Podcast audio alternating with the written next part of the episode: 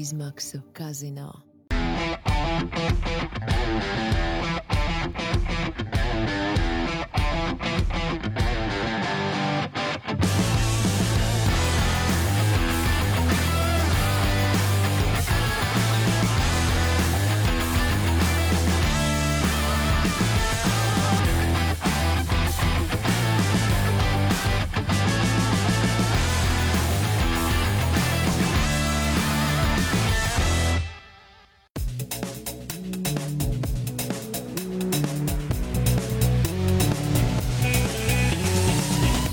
F1 LV podkāsts. Labdien, Formule 1 līdzjutējiem! Austrijas lielās balvas izcīņa mums ir noslēgusies otrā sprinta sacīkstē šajā sezonā. Un jāsaka, vismaz man likās, visas trīs dienas pietiekami aizraujoši un interesanti. Turklāt svētdien noslēdzās ļoti, ļoti vēl vakarā. Mums vēl īstie rezultāti tikai pusnakti bija zinām pēc Latvijas laika. Tieši par to šodien mēs arī ar Jāni parunāsim. Sveiks, Jāni! Čau, čau visiem labajiem cilvēkiem. Uh, prieks jūs visus neredzēt. es neredzu vienkārši viņus visus. Nu, viņi tur ir kaut kur, bet uh, es zinu, ka viņi tur ir. Es jūtu, jo um, ir ļoti daudz, um, ļoti daudz no visurienes atnāk ik pa laikam ziņa par to, ka ir skatās un seko līdzi. Un tā, un tas ir ļoti patīkami. Tā kā paldies jums visiem. Šo tavu tekstu prieks jūs visus neredzēt, var izgriezt ārā no konteksta, izgriezt vienkārši ielikt un, un, visi, un uztaisīt virsrakstu no tā, kā jau parasti to dara. Jā, jā. Bet tiem, kas eh, varbūt grib nedaudz eh, pasmieties eh, par jokiem, tad mums, starp citu, Falštartā ar Jānu bija mm, ne, galīgi neplānota, aizraujoša, interesanta tēma. Kas gāja nekurienē. Kas gāja nekurienē, bet cilvēki ļoti iesaistījās. Tie, kas vēlas paskatīties YouTube vēlāk atkārtojumā, tas mums ir podkāsts Falštarts, ko vada Jānis. Jā, un, un ļoti, ļoti, ļoti, ļoti labi, ka viņš ir ne garāks par 15 minūtēm, jo tad, būtu mēs, tad mēs būtu aizgājuši nekurienē. Jā. jā, pirms sākam un ķeramies klāt ļoti gribās teikt, sāpīgām lietām arī mums neliela, varbūt arī informācija. Tā kā mēs esam sadraudzējušies ar kartinga organizatoriem, esam kartinga lieldraugi, gribētos tā teikt. Tad vēl viens pasākums attiecībā uz kartingu, kas plānojas, ir Madonā notiks 8. jūlijā. Šeit viss informācija ir redzama, un nostīsimies arī īsu promo klipiņu, lai visiem būtu skaidrs, par ko, kādā veidā, par cik, nu jā. uz kurieni kas un kā. Skatāmies!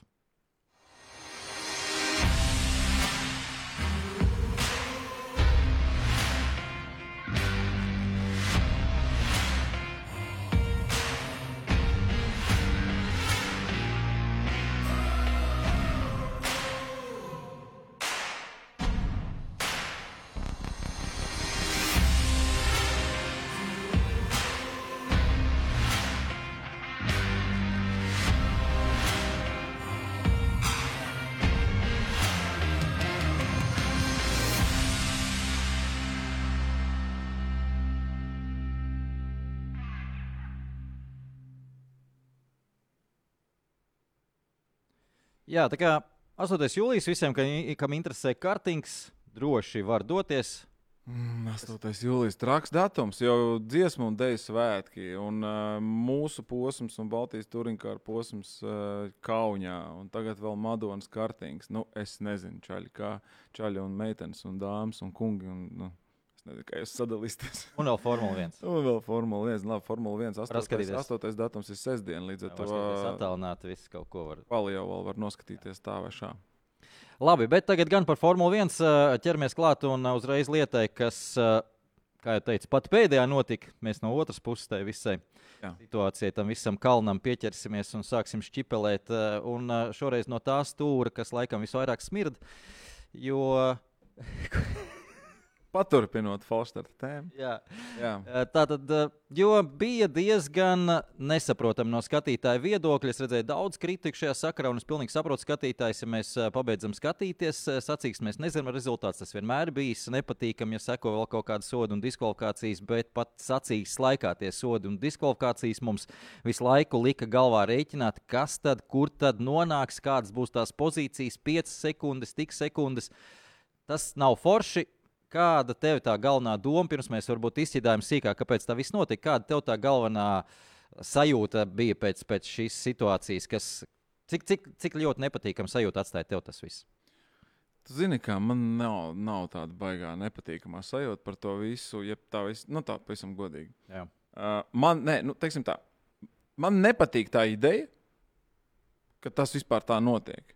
Bet, tas kura ir tā ideja? Bet īsti- Kura ideja? Nu, tas, ka nu, tad uzbūvē to trasi tā, lai, nu, tās, nu, lai viņš nevar izbraukt ar četrām riepām ārpus Baltās Bet līnijas. nozīmē nu, tad uzbūvēt? tur Tas nozīmē zāli, sienu. nu, ne, nu, zāli kaut kādas oļus. Es nezinu, vienalga, ko. Nu, ir taču trases, nu, ir līkumi, kur nav tādas problēmas. Nu, skaidrs, un it sevišķi Red Bull ringā ir ļoti, ļoti. Kāpēc tas notika? Tur 10. un 11. līkums. Tāpēc, ka tas iet pa kalnu lejā. Mhm. Un, un kā tur tajā kalnu, tajā kalnēnajā tajā vietā, kā iepūš vējš no kurienes, tad to ir grūti saprast. Skaidrs, ka tas ir ļoti sarežģīti, jo tie ir pēdējie divi līkumi, kur, teiksim tā, no, no sportista viedokļa ir tā, ka, te tu, nu, piemēram, izsēž kvalifikācijā, tu lasi to apli, jā. Pirmie līkumi parasti ir vienkārši. Ja tu viņus esi uztaisījis forši, tālāk līdz apļa beigām tev tas spiediens galvā aizvien lielāks, lielāks, lielāks. Nesačakarē to, ko tu jau esi izdarījis. Saprot? Un tad pēkšņi ir tie pēdējie divi līkumi, kas iet vēl pa kalnu lejā, un tur kaut kur ir gandrīz vai tur negatīvi. Vai, nu, viņi tādi triki ir.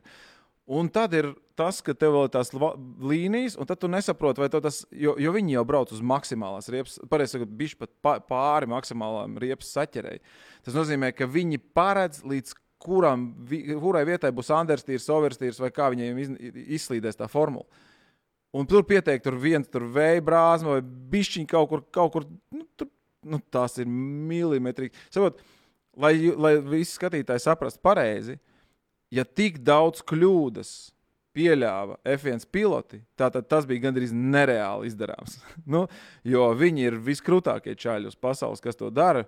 Un, ja pat viņi kļūdījās, tad var iedomāties, cik sarežģīti vispār to ir izpildīt. Un tāpēc es uzskatu, ka vienkāršāk būtu bijis, jo mēs gribam redzēt tīras acīs. Nu, tādā ziņā, ka mēs negribam, lai rezultāts tiek izšķirts uh, tiesneša būdā. Tas nav pareizi. Tas ir, tad ir jāskatās dēslidošana, vēl kaut kas, kur cilvēki kā, nu, ir. ir kas novērtē, teiksim, tur kaut kāds subjektīvais faktors tajā visā. Sacīks ar to ir foršs, ka viņi visi startē kopā, un kurš pirmais ir finišē, tas ir uzvarējis. Un tāpēc mēs gribam redzēt tīru sacensību. Un tāpēc, manuprāt, vajadzētu tās trases būvēt tā, lai vienkārši viņiem negribētos braukt ārā. Jā, nedrīkst likt tur tos kērbus kaut kādus, kas tev tā kā tramplīns aizšauj tur skatītājos. Ja? Bet klasiskais variants ar zāli ārā. Ja? Nu, neviens nelīdīs ārā uz zāles. Nu, un, nu, tas ir, un, un tas ir tīrākais sportists. Nu, tur, tā ir tīrākā sportista vaina, protams, bet tajā pašā laikā ir skaidrs, ka tas notiks. Tāpēc, ka viņi vienmēr pušos līdz galam. Viņi vienmēr mēģinās izspiest maksimumu, viņi vienmēr mēģinās būt uz tās robežas. Jo savādāk tu nebūsi pirmais, vai tu nebūsi kaut kur tur, kur tev jābūt. Jā, uh, 9. un 10. līkums pēdējie divi pagriezieni. Jā, Jā, tieši tā. Ļoti daudz par šo visu nedēļas nogalu runāja, jo, jo visi runāja par to. Arī Maks Verstapens tieši teica, ka tu saki, izskatījās pēc amatieriem nedaudz. eh, Bet es jau to teicu, ka es galīgi neuzskatu, ka viņi izskatījās pēc amatieriem, jo ir saprotama tā situācija, kas, kas viņiem liek eh, slīdēt ārā. Maks Verstapens teica, ka visvairāk, vislielākā problēma bija tā kompresija desmitajā līkumā, kas, eh, ko nozīmē kompresija. Tad maksimāli iespiež, tur reāli ir arī kritumi. Uh, negatīvais kritums, kā Jānis teica, arī līkumā iespiež formulu maksimāli, un tad viņi nāk ārā no līkuma un atslogojās. Mm. Viņiem pretējais efekts, viņi atslogojās, un, ko nozīmē, ka atslogojās, tev nav vairs tā mazinās. saķere. Tieši tā saķere samazinās, un to vienkārši izslīd ārā. To visi zina. Un uh, viena lieta, kur es uh, laikam līdz galam negribu piekrist, ka uh, tur nav variantu. Viņi ir labākie piloti pasaulē, un ja viņi to nevar izdarīt, tad neviens to nevar izdarīt. Nu, ja tur būtu betona siena malā, tu gribi teikt, ka viņi visi ielikt betona sienā, nu tā neieliktu. Nu, tāpēc es arī nobeidzu savu garo teikumu ar to, ka viņi spiedīs tāpat maksimumu. Nu, un, Tas nozīmē, ka viņi var izdarīt tā, lai viņi atstātu var Nu, bija piloti, kuriem nebija Jā, soda. Jā, tā. nu, ja tā mēs ņemam. Uh, un uh, kāpēc bija tik daudz sodu? To, to es arī minēju, ka mm, viņi vienmēr ir braukuši ārpus tur. Jo tā ir tā trases specifika šeit. Es absolūti piekrītu, ka ir citas trases, kur tas tik ļoti ne, ne tikai neprasās, bet arī nav tā trases specifika, kur tu slīdi. Tev, tev vienkārši, Jā. kā tu teici, burtiski iz, izstumj ārā. Ir trases specifika, protams, tajā visā. Uh, bet uh, kur tā problēma bija iepriekšējos gados, uh, pat ne problēma, kur mēs neredzējām problēmu, tiesneši vienkārši nesekoja tam tik sīk līdzi. Pat tajā laikā, kad jau bija Baltās līnijas noteikums pagājušā gadā, tiesnešiem vēl nebija tādi instrumenti, lai izsekotu līdz tām visām lietām. Līdz ar to mēs varam tikai nojaust, cik daudz netika piešķirts sodu Jā. pagājušā gadā. Šo, šogad mēs to redzējām. Šogad ir tie instrumenti, ir uh, Ženēvā tā attālinātā tiesneša telpa, kur viņi visu uh, izskata, un pēc neoficiālas informācijas kopā esot izgriezti virs 1200 klipiem. Mm. Tad, ko viņi izgriež, tur, tur viņi nelēma, bet viņi sūta atpakaļ uz trasi tiem tiesnešiem, kur viņi attiecīgi izvērtē. Un piešķirti virs, eh, patiesībā nevis piešķirti, bet uh, anulēti virs simts sodiem. To gan var saskaitīt, jo ta- Apļiem nevis. apļiem, jā, virs eh, simts apļiem tieši tā. Eh, Anulēta apli, arī sacīks laikā tieši tā, tā arī parādījās tiesneša tajā eh, grafikos. Anulēts aplis, anulēts aplis. Un tajā brīdī, kad vakar vakarā šī informācija uzpeldēja, pavisam ātra matemātika. Tātad, ja ir pieņemsim simts apli anulēti, tad atceramies, ka mums ir trīs uh, atļautie. Tad ir ceturtais brīdinājums ar piekto sodu. Sadalām uz pieci, tad vajadzētu būt 20 sodiem. Sacīkstē bija kaut kādi, neatceros, tur 8, 9, 10, un plus vēl tur otrais. Ja bija, nu, mēs nekādīgi nedabūjam tos 100. Tas skaidrs, ka kaut kur vēl būs sodi. Un, nu, un tad mēs redzējām, izbirstam tos pārējos sodus. Visus pēc sacīkstes uh, man ir sarakstīts arī, kā tas izmainīja situāciju. Uh, rezultāts es vienkārši varu uzlikt jums jaunos rezultātus, tie, kas varbūt nav no, uh, redzējuši. Nu, lielākie ieguvēji bija uh, Noris. ar Alonso. Jā, tieši tā. Viņa sainca uz sainca rēķina. Pirmais mm. trīnieks nemainījās, uz sainca rēķina pacēlās. pakāpās, jā. Tieši tā, uh, tika Strauss viena pozīcija augstāk. Uh, nu, būtiski liels, milzīgs izmaiņas nav. Sainsam divas pozīcijas zaudētas, Gazlī viena pozīcija zaudēta, Hamiltons, ā, Hamiltons vienu zaudēja. Kons trīs zaudēja, nu tie jau ir zemākajās Tas pozīcijās. laikam lielākais uh, zaudētājs. Jā, Sainz lielākais zaudētājs. Visa weekenda garumā. Jā, tieši tā. Uh, Bet uh, par trases pārbūvi, ko arī Jānis minēja, šī arī tas piedāvājums bija no Maksa Verstapena. Un, uh, tur ir tā lielā problēma, un Jānis to ļoti labi sapratīs, uh, kā MotoGP fans.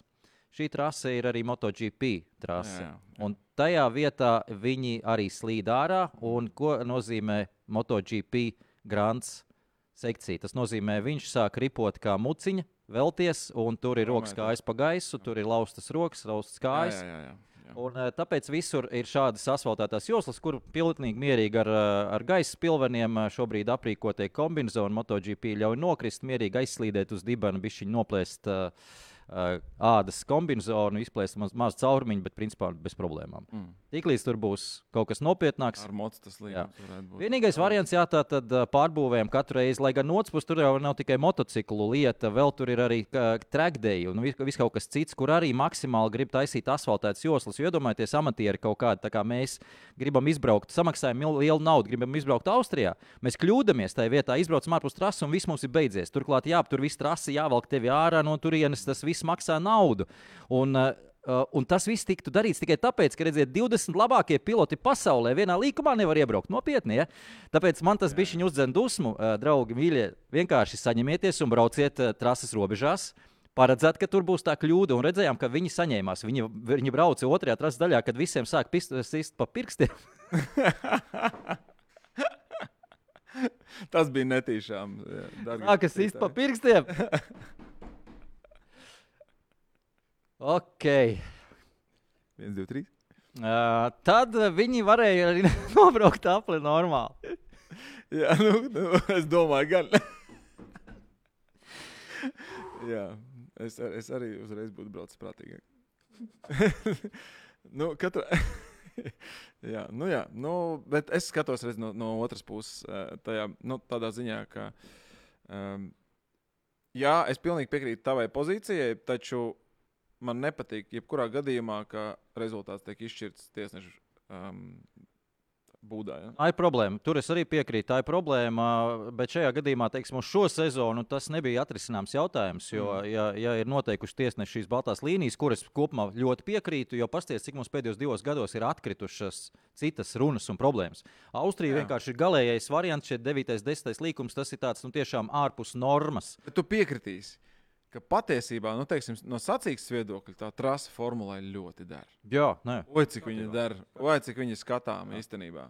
Ļoti skaisti. Tu jau apelsīns Ļoti. īsts. Tas nozīmē, daudz reizes mēs braucam vienu to Tas pašu. nozīmē, ka ir saspringta kvalifikācija. Jā, tas tā. nozīmē, ka ir maz, mazi atstatumi apli laikos. Tas ir Nu, Rītīgi labi īstenībā. Nu, ja no tā atkal, ja gribam pozitīvi kaut ko pateikt, tad pilnīgi nē, nē. noteikti tā trasa kolosāli der formulē. Absolūti nekritizējam. Es domāju, trasu kā tādu, un arī organizāciju. vietā un viss, jā, jā. Līdz 30 gadam pagarinās līgums ar austriešiem. Un, Tas ir ok. tas eh, šobrīd būs jādomā, jo tiesneši tā tad visa, visa tā epopeja šobrīd ir beigusies ar to, ka sodi ir sadalīti un tiesneši ir pateikuši tieši organizatoriem, ka ir jādomā, ko darīt ar stingri. Mēs stingri iesakām uz nākamo gadu veikt izmaiņas, lai šāda situācija neatkārtotos. Ar to domu, ka tiesneši noteikums nemainīs. Vēl jau variants, protams, pacelt sodus. Uh, uh, Nu, Zini, kā, nu, tur nu, vienalga, nu, iedod lielāku to penaltiju. Nu, varbūt tad vismaz var būt domāju, ka- kāds. Nu, tur... Ir viens variants, ko piedāvāja darīt jau nedēļas nogales laikā, kad eh, nu, šī ir tas īpašais gadījums. Nedodam ar 4 un 5, nu tā tad dodam, nezinu, ar 7, 8, 10 vienalga.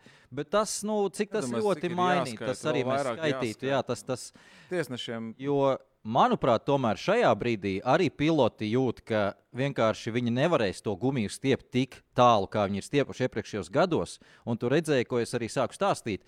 Tu redzēji uz sacīksts otro pusi. Nu, varbūt arī tā situācija nedaudz nomierinājusi, bet uz sacīksts otro pusi visi saprata, ka nevar tā darīt. Un nedaudz tie to sodu intensitāti un uh, pārsniegto apļu intensitāti mainījās. Viņi pateica viņam, turieties, nu, iedot to rezervīti. redzi, vēl jāņem vērā cita lieta. Es pieļauju, ka uz sacīks beigām bija vieglāka formula. Degvielas mazāk. Prot, gan tā kompresija, gan vadāmība, gan viss paliek daudz labāks. Jā. Un es pieļauju, ka varbūt tad varēja precīzāk un, un, un labāk izbraukt arī tos līkumus. Es nezinu, neesmu braucis ar formulu, it sevišķi tajā trasē, nu, kā, bet uh, es pieļauju, ka varbūt bija vienkāršāk braukt, jo mēs zinām, kāpēc kvalifikācijā brauc ar, ar, ar gandrīz tukšu bāku. jā.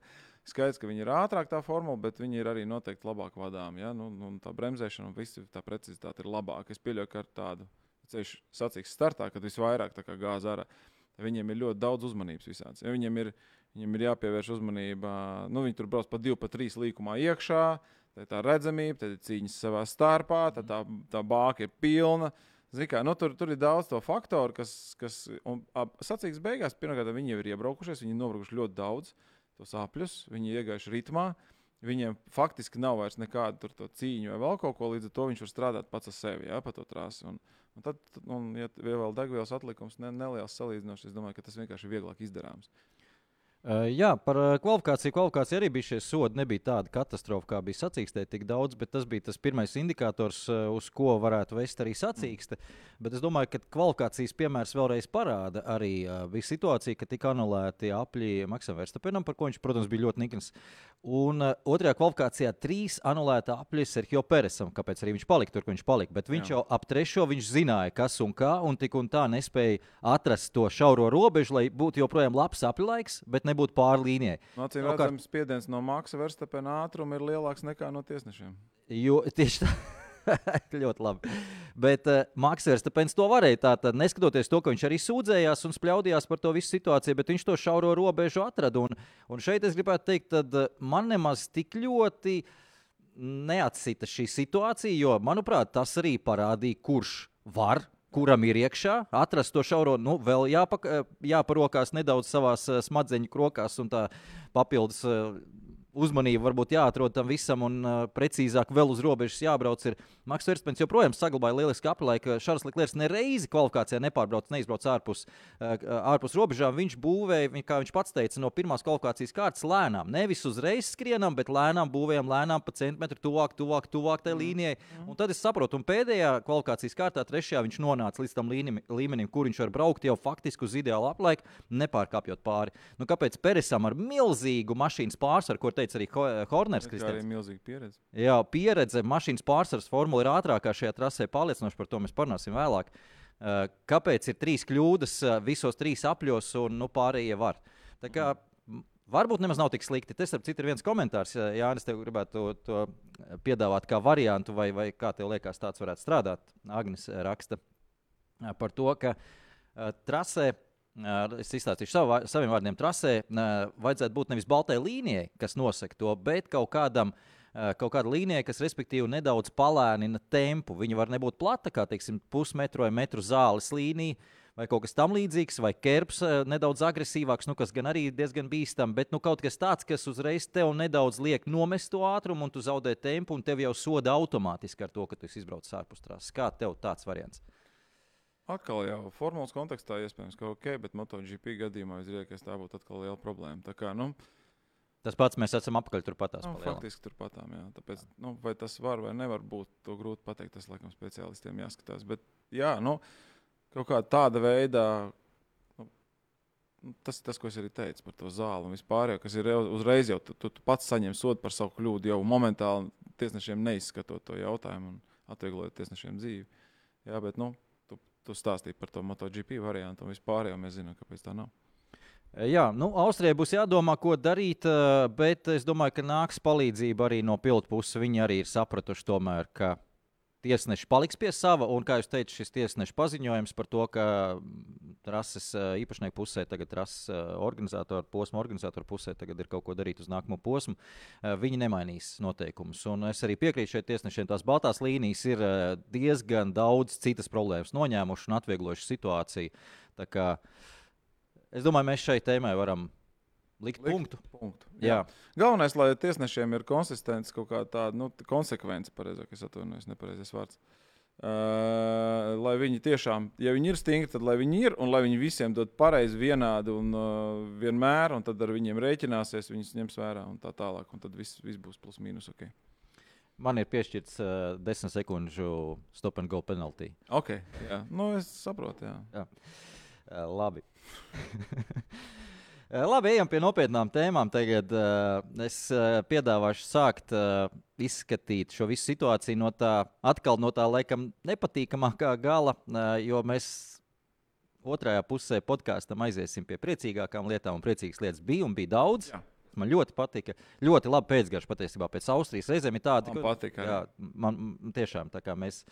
Labi, labi, ka tev arī patīk. Tad man liekas, ka es neesmu vienīgais. Nē, nē, man, man, es- es reāli visas trīs dienas, gan kvalas, gan sprints, gan, gan galvenā sacīkstes, kā beidzās translācijas, tā baigi labi. Super. Tā tad tā, tā ne, pat ne nepatīkamākā, bet drīzāk ā, vienkārši tā pati problēma, kas ir mums visu sezonas sākuma, ir problēma. Tā ir tikai citiem. Problēma tā nav Red Bullam, viņi ir ātrākie. Mm.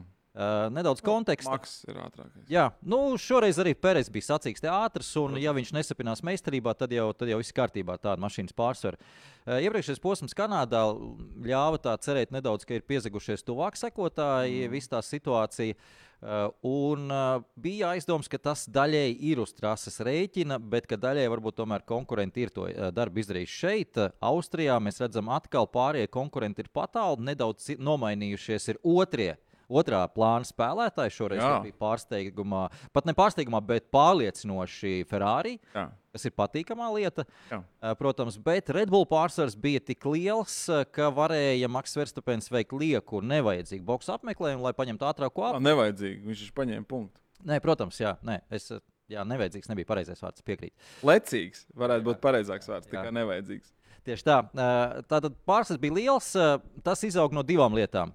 Pirmā lieta, kas mazāk varbūt tur iedeva kontekstu visam, bija stratēģija, jo stratēģija nostrādāja ļoti labi. Nestoties to, ka pirmajā brīdī likās dīvaini, ka neizmanto šo situāciju, bet tā stratēģija, ka paliekot Maksam Verstapenam trasē, jo tie, kas ir tālu aizmugurē, viņu gadījumā ir saprotams šā- šāda stratēģija kā, kā Peresam, kurš ir ātrs, bet ir aiz lēnākām formulām.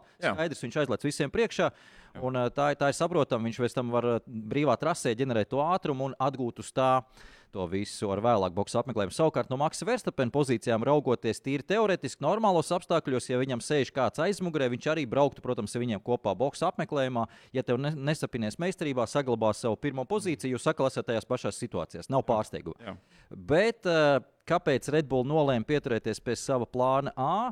Šoreiz bija iemesls. Uh, Nu, protams, viņiem ir pirmkārt milzīga pārliecība par savu ātrumu. Jā, jā. Bet- tad ir ļoti viegli jebko izdomāt. Jā, jā piekrīt.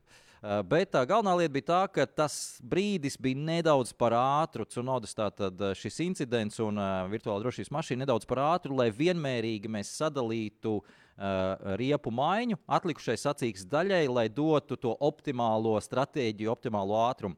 Jo ko Ferrari izdarīja, viņi tajā brīdī iegūta teorētiski uz tā rēķina, bet tas viņiem atmaksājās uh, Mm. sacīks otrajā daļā, ka viņiem bija jāizstiep garāks. Jā. Pēdējais boks apmeklējums, ko tas nozīmē? Riepas jau labāks tev nepalika, riepas kādas viņas ir, tādas viņas ir.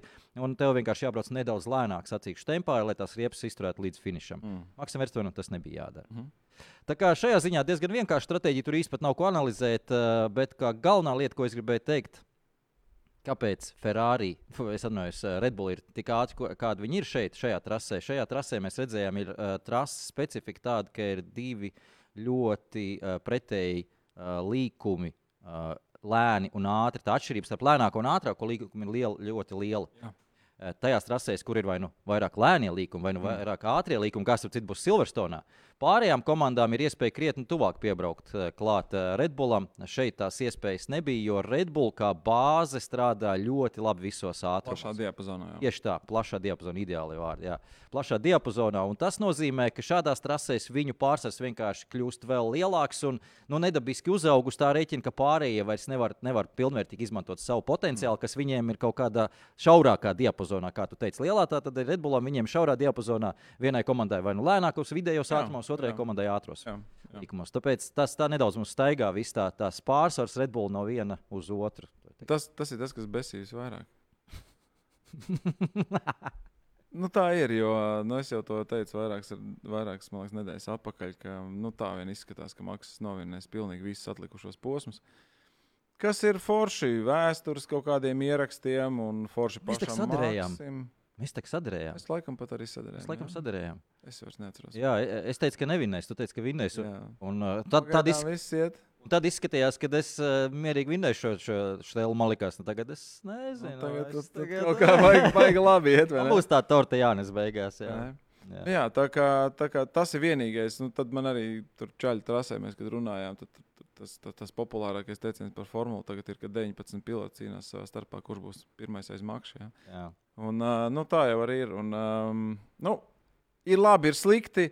Labā ziņa tāda, kad, uh, ka, kāda, uh, ka F1 feinšmekeri vai ne, vienmēr atradīs par ko priecāties. Un, uh, un bija ļoti daudz tās lietas, un tāpēc mēs šeit sēžam, lai šīs lietas jums izgaismotu tiem, kas varbūt nav pamanījuši.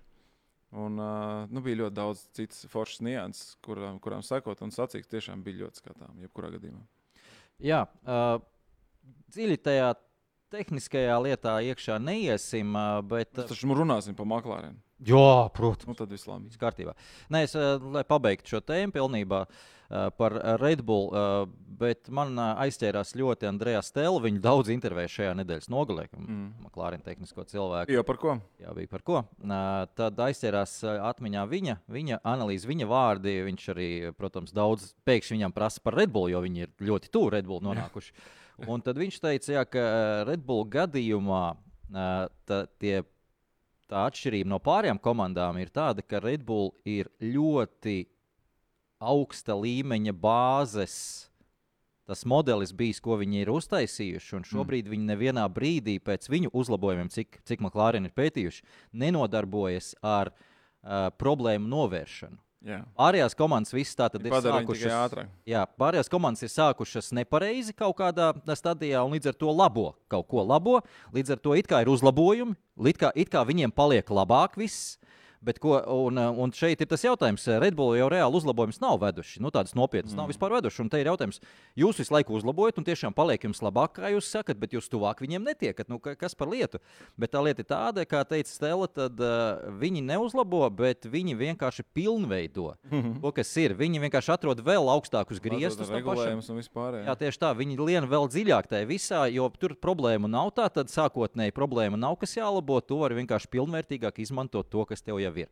Un nevajag uzlabojumus. Un tā ir ideāla situācija priekš Red Bull, jo, kā, kā savukārt teica Kristians Korners, mēs esam sākuši strādāt pie 24. gada. Mm. Pārliecinoši. Tas ir vēl sliktākas ziņas visiem tās pārējiem. Tas ir ziņas pārējiem. Jā, tās ir sliktas ziņas pārējiem. jā, jā, es vēl klausījos arī, redzēju, vēl, protams, arī jāņem vērā vēl viena cita lieta. Uh, ir jāņem vērā, un to teica James Vaus, man liekas, to teica intervijā, kur, um, kas ir šobrīd Viljams mm. vadītājs. Un viņš teica, ka problēma ar šo budžeta griestu jautājumu, e, tā problemātiskā daļa ir tā, ka patiesībā tie budžeta griezti it kā jau tā kā palīdz mazajām komandām.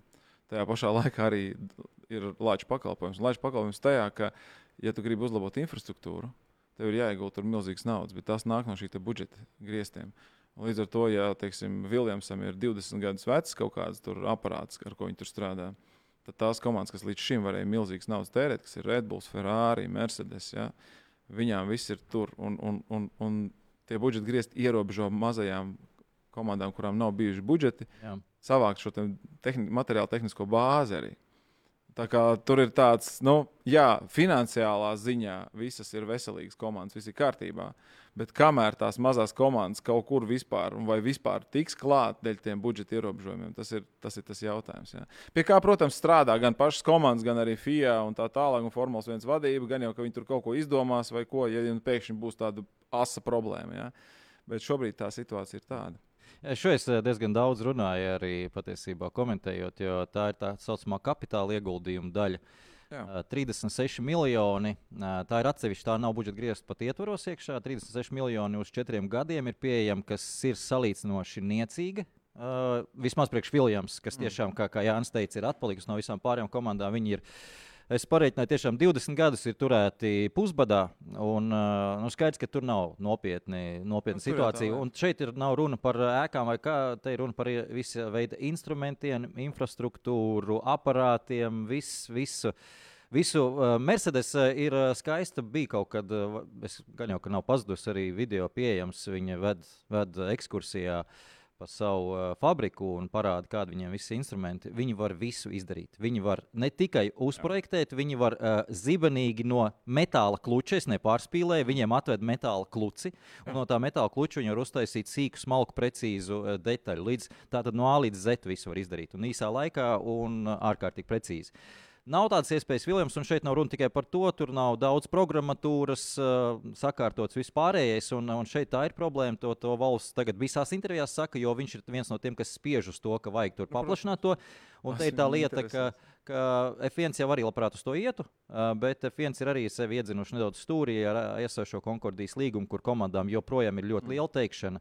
Un, protams, lielās komandas labprāt vēl cik nu vien iespējams turēt, turās pie tā sava pārsvaru. Viņas ļoti labi saprot, ka visas pārējās komandas jau nāk tuvāk un nāks tuvāk, un ja mēs šito dosim, viņas vēl tuvāk nāks ar laiku. Jā. Un, jo ilgāk mēs noturēsim to pārsvaru, jo labāk, protams, nu, tas ir skaidrs. Un tajā pašā laikā, kad uh, Alfa Taurija paziņoja, ka viņi no 24. gada sauksies kaut kā savādāk, un bija izziņojuši Twitterī uh, par to, ka, nu, kādu jūs domājat, kā vajadzētu saukties komandai, tad bija par šo tēmu, aizskarot šo tēmu, ko mēs tikko izrunājām, bija kolosāls joks, atbilde kā joks, kā varētu saukties uh, Alfa Taurija komanda. Nez, nezinu, uh, tie, kas ir dziļi, dziļi uh, Formulā 1 iekšā, to joku novērtēs un sapratīs, jo piedāvājums bija nosaukt to par.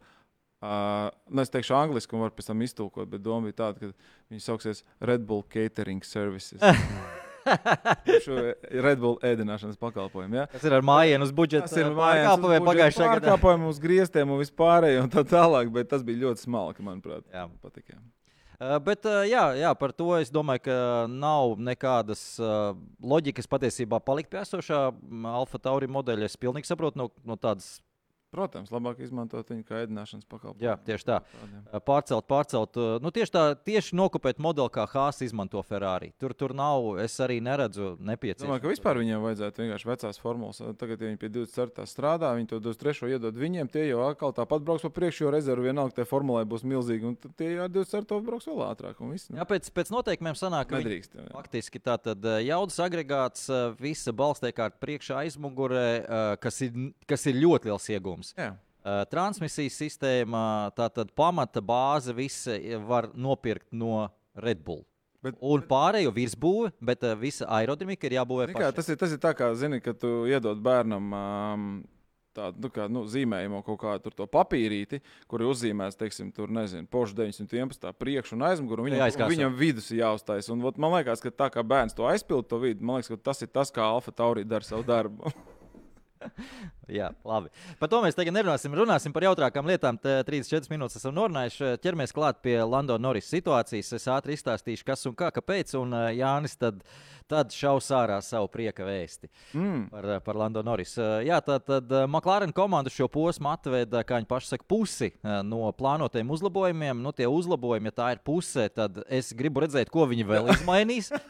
Jo kas vēl ir palicis, ko Nē, izmainīt? nu, labi, labi, jāņem vērā tas, ka tas varbūt tā, tiem uzlabojumiem šobrīd, kas bija ieviesti, šī trasa arī komplementē. Nē, nē, viennozīmīgi. nu, Tas, tas ir viennozīmīgi. Jā, tas, es domāju, ka liels, eh, patiesībā pat ne tik ļoti kā McLaren palīdzēja, bet nedaudz parāda zemāk citus, jo to, to, to mēs varētu pateikt. Tātad Mercedes un Aston Martin, kas parasti ir augšā. Mm. Uh, nu, Iedomājieties situāciju, ka viņi būtu tādā līmenī, kā bija eh, Kanādā. Viņi būtu tātad priekšā McLarenam, mm. un tajā brīdī mēs tik ļoti neaurotu, cik McLaren. Viss jau, protams, labi. Norris turpat aiz lieliem puišiem ir, tātad progress ir, bet nu, negluži tā, ka gandrīz jau pie piedestāla klauvē. Tā kā šeit nosvārstījās nedaudz tas, tā situācija. Bet kopumā no McLaren tātad 50% uzlabojumu, 25% vēl nākamajā posmā, 25% aiznākamajā. Tur arī Piastrī tiks pie viņiem. Un pagaidām izskatās, ka strādā fantastiski. Uh, Salīdzinot, kur, kaut kā paskatīties, kurā finišēja Norris un kurā Piastrī. Neskatoties to, ka iepriekšējā posmā viņi bija viens aiz otru vai kaut kā tur jā, blakus. jo Piastrī, nu, būsim godīgi, es to arī teicu iepriekš, ka nu, Nav viņš- nekāds lēnais puika. jā. tuvāk, tuvāk Lando Norrisam nekā, nekā bija Rikārdo. Jā.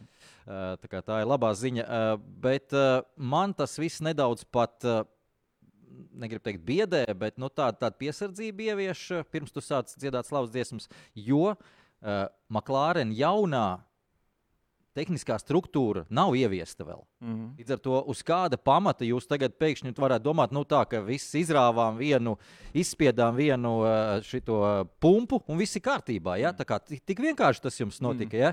Un jūs teicāt, ka jums 3-4 gadus vajadzēs tam visam uh, jauno struktūru. Tie, tie divi no trim vaļiem tehniskajiem, kas uz kā viss balstīsies, vēl komandā nav. Viņi ar 1. janvāri tikai atnāks. Un jūs jau tagad varat visu izdarīt un noķert. Nu, tas, tas ir. Var, nu, kā jā, mums ir piesardzīgiem jābūt, es domāju, par šo visu. Es arī domāju, ka mums jābūt piesardzīgiem, bet uh, skaidrs ir tas, ka konkrētajos apstākļos pie konkrētajiem pilotiem šie upgrade vai uzlabojumi strādāja ļoti labi. Varēja ļoti labi redzēt onboardā, ka lēno līkumu izēja.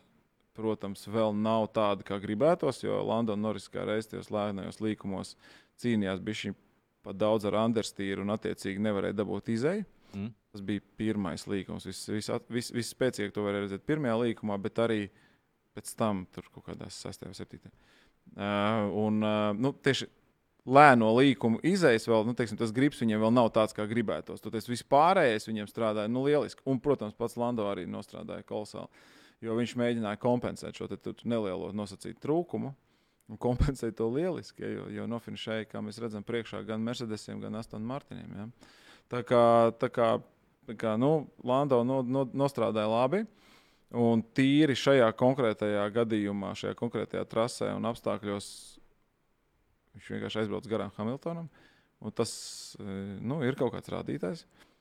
Tā kā forši man patika. Es ļoti gribu redzēt, e, kas tiešām notiks tālāk, vai, vai, vai, vai, tas, vai tie uzlabojumi strādās arī citās trasēs tikpat efektīvi, kā viņi strādāja šeit. Es gribu redzēt, ko Piastri ar tiem uzlabojumiem izdarīs. Viņš arī pēc, pēc sacīkstes intervijā teica, ka viņš nu, nobeigumā to pēdējo viņš nevar sagaidīt, ka man ar viņus uzliks. Ja? Nu, kas ir normāli. Un, jā, tā kā, tā kā, tā, es teiktu tā. Tas man savukārt dod tādu cerības stariņu, ka jebkura no formulām var diezgan strauji vēl šobrīd šajā attīstības posmā, kad ir otrais gads tikai šim konceptam, kā formulai, ka, ka viņš ir, nu, ka, ka jebkura komanda tomēr var atrast kaut kādu magic stick vai kaut kādu brīnumu nūjiņu, ko izdarot, viņi pēkšņi baigi augstu. Jo patiesībā arī Viljams īstenībā kaut ko ir at, a, a, atraduši. Jo pēdējās divas sacīkstes Albons, lai arī ok, viņš finšēja ārpus punktiem, bet viņš bija pārliecinoši turpat tuvu tuv tam pirmajam punktam arī. Ja? Un tas nebija variants vēl iepriekš. Un pēdējās divās uh, sacīkstēs, ka viņiem ir šie upgrade un to arī nu, uzlabojumi, un ko, ko, ko Albons arī pats teica pēc sacīkstes iepriekšējās, paldies tur rū- rūpnīcā, tur mm. cilvēkiem un tā tālāk. Tas nozīmē, ka viņi arī strādā. Tas nozīmē, ka jebkura no komandām vēl var atrast to brīnumu noņu un kaut ko vēl tur kaut kur palikties. Un tad ir jautājums, kurš ātrāk, kurš labāk, kurš foršāk. Un man liekas, tas ir ļoti interesanti. Tā dinamika ir ļoti interesanta tam sekot līdzi. Uh, jā, par, uh, vēl par Norris pavisam īsi. Uh, jā, man ļoti patīk tieši Norris situācija. Tad, ja mēs tā nedaudz norobežojamies no McLārena šiem uzlabojumiem, skaidrs, ka tas iedeva viņam iespēju būt tur priekšā. Uh -huh. Bet tas, ka Norris uh, visnotaļ pieaudzis ir, un, un vai tikai man tāds sajūta, viņš arī bildēs izskatās, viņam kaut kāda nu, kā pūciņa kaut kur parādījusies. Es negribēju teikt, bārdiņa. Tas vecāks. Jo, jo nu, līdz bārdai tur jā. ir tālu. Bet, bet, bet jā, arī sejas vibes ir tāds sajūta, ka Tieši tā, ka sejas vaipsti izstāsta arī tādi, nu, ka nav vairs puika. Jā, nav, nav vairs nav, puika. Nav. Viņš ir palicis tāds ļoti strauji, kaut kā tā sajūta. Pilnīgi. Kaut kā tur, nezinu, pēdējo jā. divu, trīs mēnešu laikā viņš ir pieaudzis. Viņš ir savs biznesa šobrīd aiz, aizgājis, ir mm. e-sporta e biznesa. Gaidām, drīz varbūt būs arī sirmati. Jā, jā, tā kā es domāju, ka jā, nu, ir, ir nobriedis un tā attieksme ir tāda, bet pats labākais, jā, tajā visā tiešām ir sajūta, ka viņš var izdarīt. Ja iedosiet viņam to mašīnu, viņš varēs izdarīt, un tā sajūta nav pazudusi.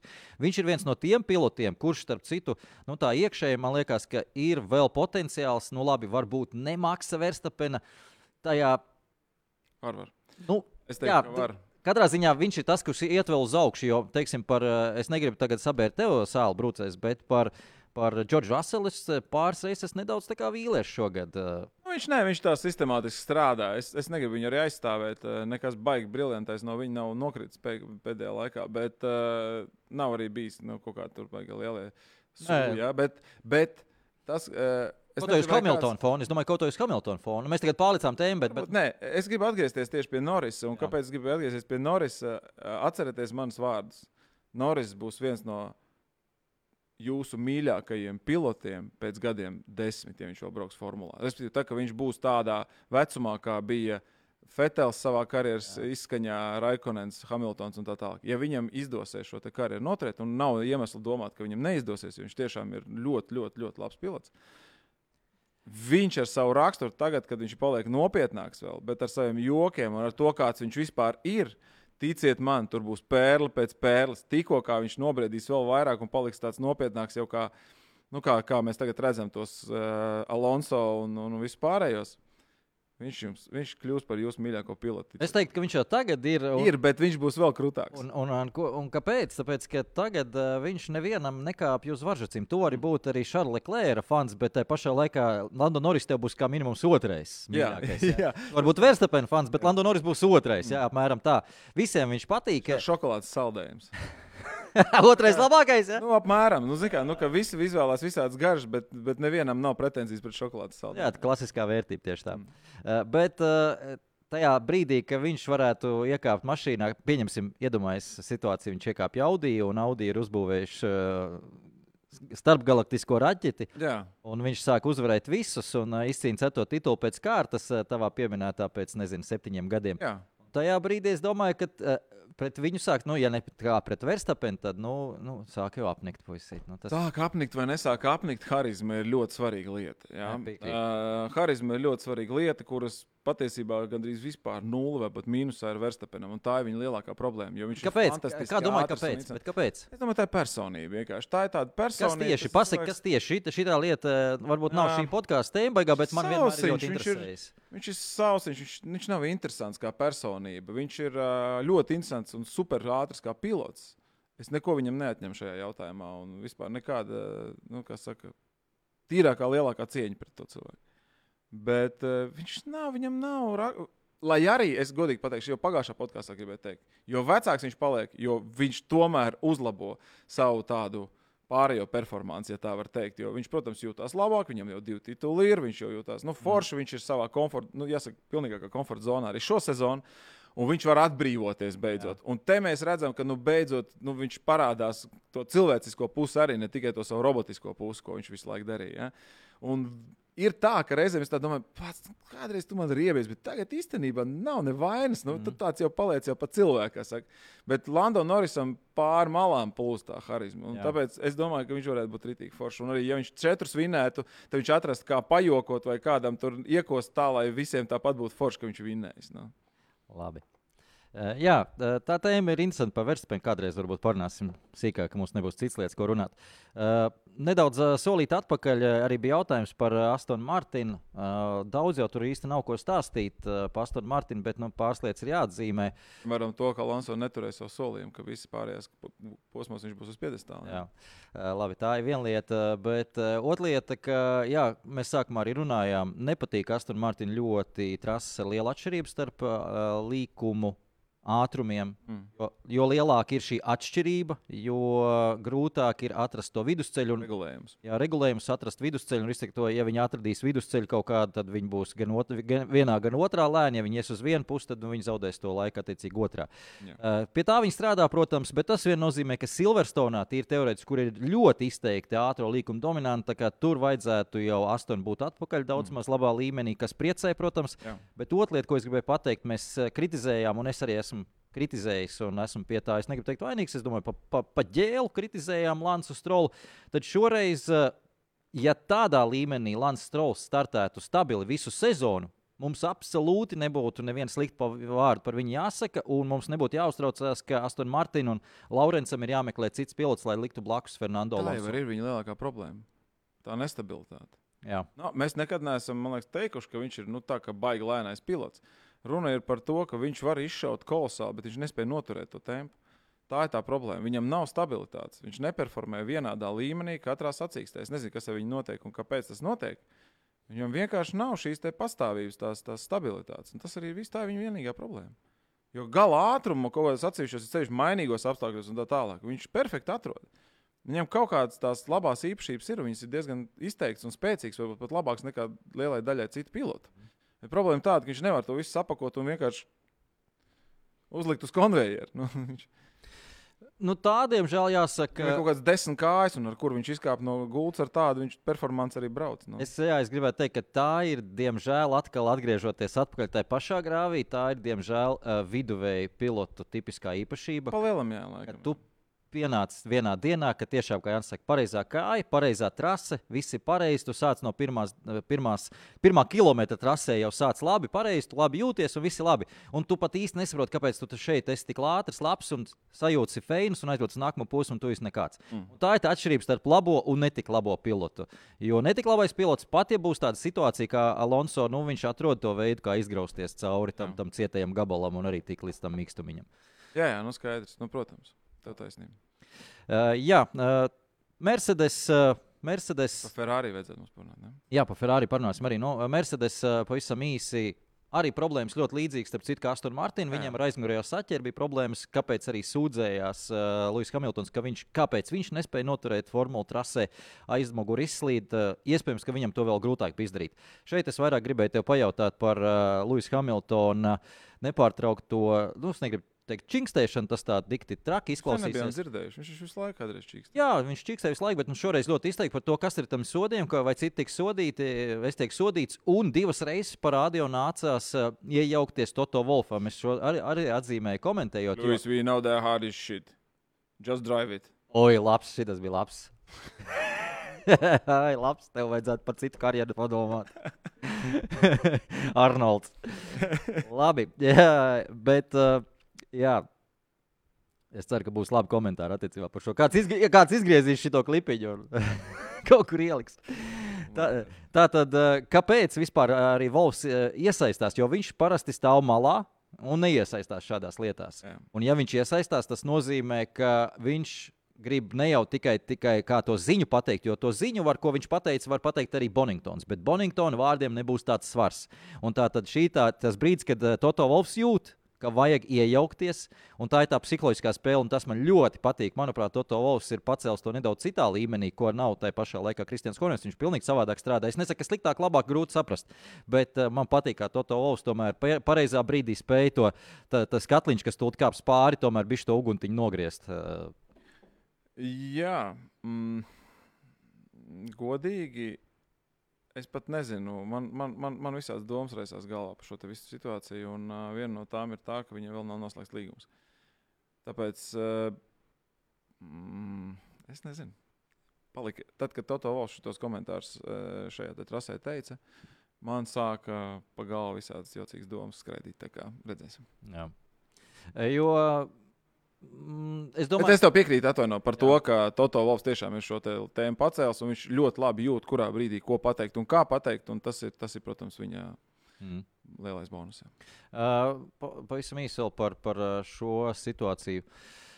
Es, uh, kāpēc es negribu tik ļoti savilkt tādās lielās tēmās kopā ar, ar līgumu un tā tālāk? Tikai tāpēc, ka to teica, to ir arī daudz teikt. Man liekas, nezinu, vai Toto Vols to pats ir teicis, ka, man liekas, pat jā, to teica Toto Vols, uh, ka viņi saprot pilotus tajā brīdī, kad viņi brauc trasē, kāda ir viņu uzbudinājums, teiksim tā. Mm.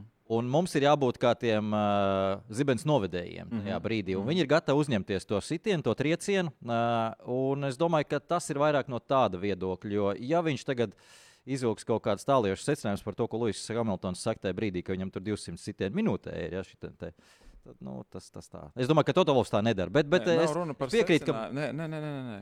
Es, es par kaut ko citu. Bet es kādreiz, ja tas piepildīsies, tas, kas manā galvā ir kā teorija, es, es pēc tam to izstāstīšu. labi. Jā, tas nebija saistīts ar no, no tā viedokļa. Nē, nē, nē. Nav, tas, tā nav, tas nebija vairāk par Bet to, ko teica Hamiltons, bet par to, zināt. kādā tonī un kā to pateica Toto Hamiltonam un kāpēc Jā. viņš vispār to teica. Nu, Stāst līdz galam. Nē, gribam nu, man, man tāda sajūta, ka īstenībā nebūs tas līgums. Bet uh, es, Ah. es negribu pārsteigt, pa, pa, pa, pa, nu, skriet pa priekšu. Jo līdz šim Toto atļāvās iejaukties un kaut ko teikt, bet nekad tas neskanēja šādā te kategoriskā. Mm. Vairāk bija kā. mm, Jo šis nebija viennozīmīgi tā, ka, jā, tu esi krūtis čalis, mums ir sūdīga mašīna. Šoreiz bija tā, ka tu man esi jau apnicis līdz brošai. Mm. Un tā ir liela atšķirība. Un, un, un, un, un to var pateikt pirms līguma noslēgšanas tikai tad, ja tu zini, vai nu tu viņu nenoslēgsi, vai nu tev ir pilnīga pārliecība, ka, ka tev ir noslēgts jau uz ilgiem gadiem. Ja? Bet nu, man tur kaut kā es. Ne, nu, jā. sapratu tev. Domas galvā visādas gadās skraida, paskatīsimies, kā būs. Uh, jā, es saprotu. Uh, nu, jā, interesanti būs par to līgumu. Būs interesanti. Vienkārši es domāju, ka tomēr arī Toto, Toto Volta puses skatoties uz šo situāciju, nu, Džordžiņš, būsim godīgi, šobrīd bija zem tā līmeņa, kur ir Hamiltons. Arī pēdējos posmos Jā, bija zem jā. tā līmeņa un zaudēt Hamiltonu. Nu, šobrīd nav tāda, tāda loģiskais risinājums. Nu, gan jau, pirmā, pirmā doma tomēr saglabāt ir Hamiltonu. Bet, nu, Ne, Nu, es domāju, ka neviena komanda nebūtu pret to, lai dabūtu Hamiltonu savā komandā vēl joprojām. Tur, tur par to vispār nav runas. Labi, Ferrari. Ferrari uh, ātri. Ferrari ātri šoreiz pilnīgi noteikti tie uzlabojumi pamazām strādā. Uzlabojumi atvesti ir Barcelonā, uzlaboti uzlabojumi savukārt atvesti šeit uz Austriju. Uh, nedaudz tur pieķimerējuši, bija. Un uh, pilnīgi noteikti piekdiena bija ļoti ātri Ferrari, svētdiena bija ļoti ātri Ferrari, sestdiena, teiksim, arī, bet uh, tā kā kvalifikācijā bija diezgan daudz Bet ne Leclerc. jā. izlietas ūdens, jā, tad, tad Jā. tas viss nesagāja. Uh, Tādā ziņā man patīk, ka Ferrari, uh, un viena lieta, kas man ļoti patīk, arī es pēc tam tiešraidē to pievērsu uzmanību, bet es pēc tam gāju pārbaudīt, vai tiešām tā ir pēc uh, telemetrijas, cik nu pieejami tie dati. Pātrinājums Ferrari ir atpakaļ uz urā. Izēja no līkumiem, jauda. Uh, Tā turbīna mazā strādā tā, kā viņi strādāja tiešām pagājušā sezonas sākumā. Atcerieties, kad viņi no līkumiem nāca ārā, nu kā raķetes. Attiecīgi arī gala ātrums ir labāks. Jā, līdz ar to, to mēs varējām arī redzēt šeit. Uh, bija ļoti labs, tā ir tā lieta, ko viņi ir sakārtojuši pa ziemu, uh, jaudas agregātā, un vairs neplīst tas motors. Pu, pu, pu. Tā kā Tas ir labi. Kas ir slikti? Uh, ir arī Tas jau nav tā kā slikti. Vienkārši tas, ka, nu, kam on, nu, strādājat kā komanda, nu, lai jums ir kaut kāds raksturs, nu, ir sains ātrāks, palaidiet viņu garām. Piekrīt. Iedodiet viņam ritīgi, iedot ručkā. Nu, paskatāmies, kas notiek. Nu, mēs esam redzējuši to desmitām reižu, kad nu, nesanāca. Nu, labi, nu, samēnamies atpakaļ. Jā. Un pilotam nebūs nekāda pretenzija par to. Un jūs neko nezaudēsiet tajā. Priekš kam turēt aiz, pēc tam sagaidīt kaut kādus sodus, tad viņš nokrīt kaut kur tur LR attā lejā. Nu, priekš kam tas ir vajadzīgs? Nu? Jā, divas lietas, es pilnīgi piekrītu tev. Divas lietas, kas, eh, kas man likās no malas, un tagad arī pēc tam skatoties, ko varēja darīt savādāk. Es nesaku, ka tas izmainītu rezultātu galvu. Visdrīzāk, ka nē. Jā. Jā, Bet divas lietas. jā. Pirmā tieši tā, palaist sainus garām tajā brīdī, kad viņš izskatījās, ka viņš ir ātrāks un ka viņš teica, ka viņš ir ātrāks. Jo, Nu, ko, pierādi, nu. jo ko tas mainītu? Nebija viņam pat jāapdzen Verstapens tajā mirklī, jo Džoks Klīrs tieši pirms sacīkstes to stāstīja. Man liekas, es atceros tieši viņa interviju un viņa vārdus.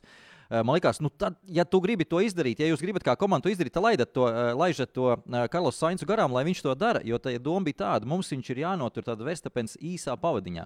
Uh, sacīks pirmajā nogriezienī, lai viņš nevar atslābināties un nedaudz taupīt tās riepas uz savu Nu ideālu nu, trajektoriju, lai nu viņš jā, visu nu. laiku liek klāt, liek klāt un tērē, tērē. Un mums ir divi piloti tajā brīdī, ka mēs varam viņu izšūpot ar dažādām Nu, stratēģijām. tā Mēs varam viens iebraukt, un attiecīgi Verstapens ir viens pats. Viņam vai nu jārēģē, vai viņš nereaģēs uz to.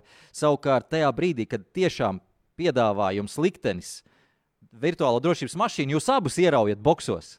Kāpēc tad to sainsu neatstāt, un lai tas tad presingo tālāk vēl to Verstapenu? Un arī, arī Sainz, ap citu, teica to, tieši to pašu, kāpēc mēs braucām boksos. Nu, bet par to jau ir stāsts. Un galvenais ir tas, ka ir bijuši gadījumi, ka, piemēram, nu, tikai sacīksts kaut kādā konkrētā vienā nogriezienī, viens pilots ir pa otru ātrāks un prasa, lai viņu palaiž garām.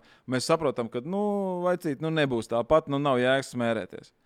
Bet šeit nu, no piekdienas sains bija labāks un stabilāks un ātrāks patiesībā. Tas, ka tur Leclerc izšāva kvalifikācijā, jā, fine. Bet sestdiena, nu, diena pret nakti bija sains, bija labāks par Leclerc sestdienā. Nu, tajās mainīgos apstākļos arī. Un arī svētdienā izskatās, ka viņš bija ātrāks vismaz tajā pirmajā dien, dienas pusē, nu, tā kā sacīks pusē. Jā. Nu, tāpēc tur na, tas nebija tā kā netīšais, netīšais ātrums. Tas bija, viņš reāli bija ātrāks. Nu, tad kāpēc nepalaist garām? Jā?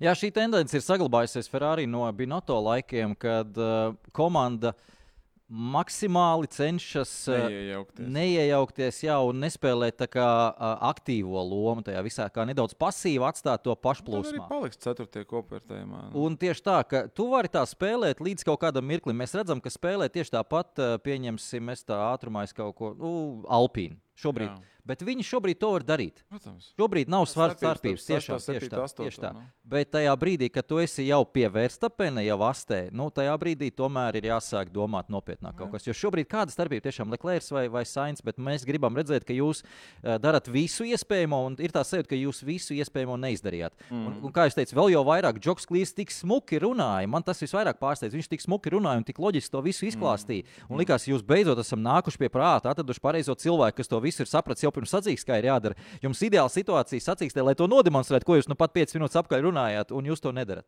Tur arī atgādina man kaut kādu Latvijas politiķu, šitā, nu, tā kā val- valdības šitās te darbus. Nu, tā kā it kā ir, ir kaut kāda tāda gaiša prāta un cilvēki, kas, kas grib kaut ko darīt, bet tā sistēma viņus ierauj un sačaka.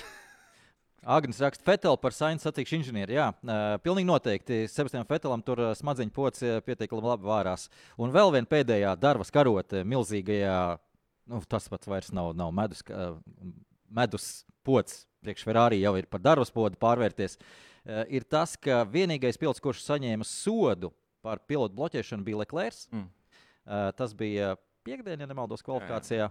Un kārtējo reizi nenostrādāja komunikācija ar sacīkšu inženieri. Mm. Informācija bija, bet bija par vēlu. Un, mēs atkal varam akmeni. Mēs nevis Leclerc, bet tieši sacīkšu inženieri. Nu, Nu, atkal arī šajā posmā tieši tas pats, gan par stratēģiju, gan par pitstopiem vienu pēc otra, tur safety kā ar laikā un tā tālāk. Un pie tiem pie tie pitstopi bija lēni, bija abi divi, bija četri kaut kas sekundes. Jā, tas, tas nozīmē, ka Sainz vēl vairāk atkrita atpakaļ un tā tā.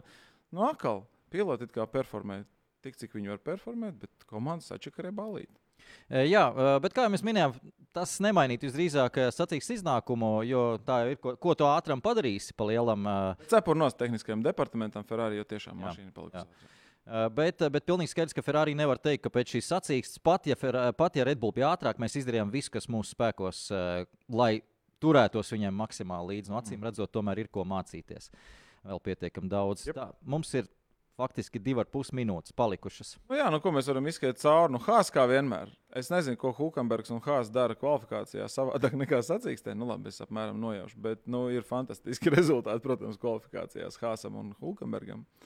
Es vispār, nu, reizēm Ēd riepas, jā, tā riepa ēšana. Oh. Viņš šo posmu, starp citu, uzlika jaunu eh, sensoru priekšā. Jo tur redzēja, bija tāda spūra lielāka ar domu, ka eh, testēs to gaisa plūsmu, kas ir trafikā tieši tādā braucot aiz mašīnām. Tā ir tā lielā problēma. Viņiem līdzīga problēma starp citu ir Ferrari. Un par šito jau mēs runājam. Nu, Hāzs ir nu, tas pats Ferrari, bet bez steroīdiem. Jā. Un, ja Ferrari ar savu, savu visu iespējamo muskuli, kas viņiem ir tehniskais un vispārējais, spēj kaut kā tai problēmai, nu, lēnām, pamazām tikt riņķī. Nu, skaidrs, ka Hāzs ir pilnīgi apjukuši, viņi ir to pašu uzbūvējuši, viņiem tā problēma krietni lielāka, un viņiem, es domāju, paies ilgs laiks, lai šo izlabotu. Vienā aplī tā formula ir ātra. Jā, vienā aplī ātri, līdz brauc aiz uh, sekotāja, kā, aiz, aiz kāda priekšā, tā turbulentais gaiss nu pilnīgi izčakarē tev visu pasākumu, un tu uh, noēdi savas riepas, un skaidrs, ka tur nekas nevar sanākt. Jep. Tā, kā, jā, tā problēma viņiem ir. Nu, redzēsim, ko, ko, dos, uh, ko dos viņiem uh, šī, šie dati, ko viņi savāks no šī posma. Jā. Uh, tā, mums, starp citu, uh, pavisam īsi es gribēju izstāstīt, uh, Šeins Van Gisbergens ir vienkārši fantastisku rezultātu nodemonstrējis savā debijā Naskārā. Viņš izcīnīja uzvaru. Debijā. Debijā. Nu, Labi, viņš ir supertalantīgs čels. Es atvainojos. Čikāgas ko ielu viņš trasē. darīja V8 superkāros Austrālijā. Austrālijā jā, no, Austrālijā. oh my God. Izkārtējis čempions, superkāru atnāk uh, un izgriež pogas Naskāra čomiem. Man tas tik ļoti patīk. Tas Nenormāli. Tas ir. Es Iedomājieties, kā viss tur jūtās. Kā viss tur jūtās. Mm. Tā ir tā sacīks, kur arī Batons brauc. Batons finišēja 21. vietā. Nu, tā salīdzinājumā. Nu, jā. Okay. Mm. Bija otrā sacīkste Jensonam, Batonam. Tā kā tajā superkārā tur auga nepaknapu. O, tur līmenis mega līmenis. Jā. Jo, jo paralēli arī, ja nu mēs tā pavisam ma mazs sansolīts, tad uh, trešo uzvaru pēc kārtas Aleks Palau izcīnījis. Ir uh, Indijā čempionātā, viņš iet pēc otrā titula šobrīd uh, Indijā čempionātā, un viņš ir viens no tiem, kas šobrīd tiek uh, minēts kā pretendents uz uh, Nikde Vrīsa uh, vietu Alfa Tauri. Atšķirības starp uh, Aleksu Palau un Koltonu Hertu, kas tika minēts iepriekš, ir tāda, ka Aleksam Palau pārliecinoši ir superlicence jau kādu brīdi. Uh, problēma ir tā, ka viņš ir spānis, nevis amerikānis. Mm. Tā laikam ir neliela problēma, bet ar tādu sniegumu viņš pilnīgi noteikti sev piesaka rindā, kur gan ir, protams, Liams Lausons. Bet nu, par, par Niku Devrīs laikam mums šoreiz nesanāks laika vairāk parunāt, bet mm. -hmm. skaidrs, ka viņš īpaši savus akcijas neuzlaboja arī šajā posmā. Yep. Nu, darbie draugi, tas arī viss. uh, Mēs šoreiz atkal nepaspējām visu izrunāt. Mēs nepaspējām, jā, man bija. galvenās tēmas mēs pārķērām. Jā. Hmm. Tā kā mēs būsim, mēs būsim atpakaļ jau pēc nedēļas. Patiesībā pēc piecām dienām jau sāks treniņš Silverstonā, un Silverstone būs ļoti interesanti. Pilnīgi noteikti. Austrija bija fantastisks sacīks. Es domāju, Silverstonā nemazāk interesanti, jo būs tuvāk viennozīmīgi Aston Martin un Mercedes līderiem. Yep. Tā kā tiekamies pēc nedēļas šajā pašā vietā un laikā. Jā, Edita Zemenis. Tā!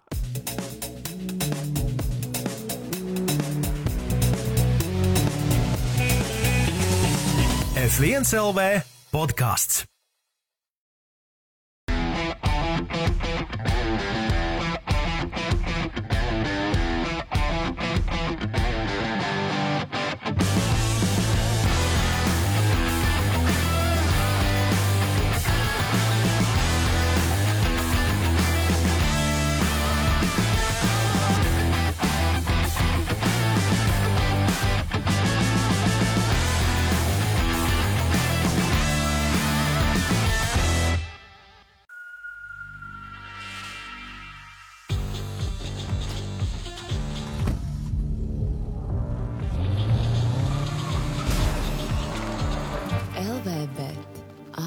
Izmaksu kazino.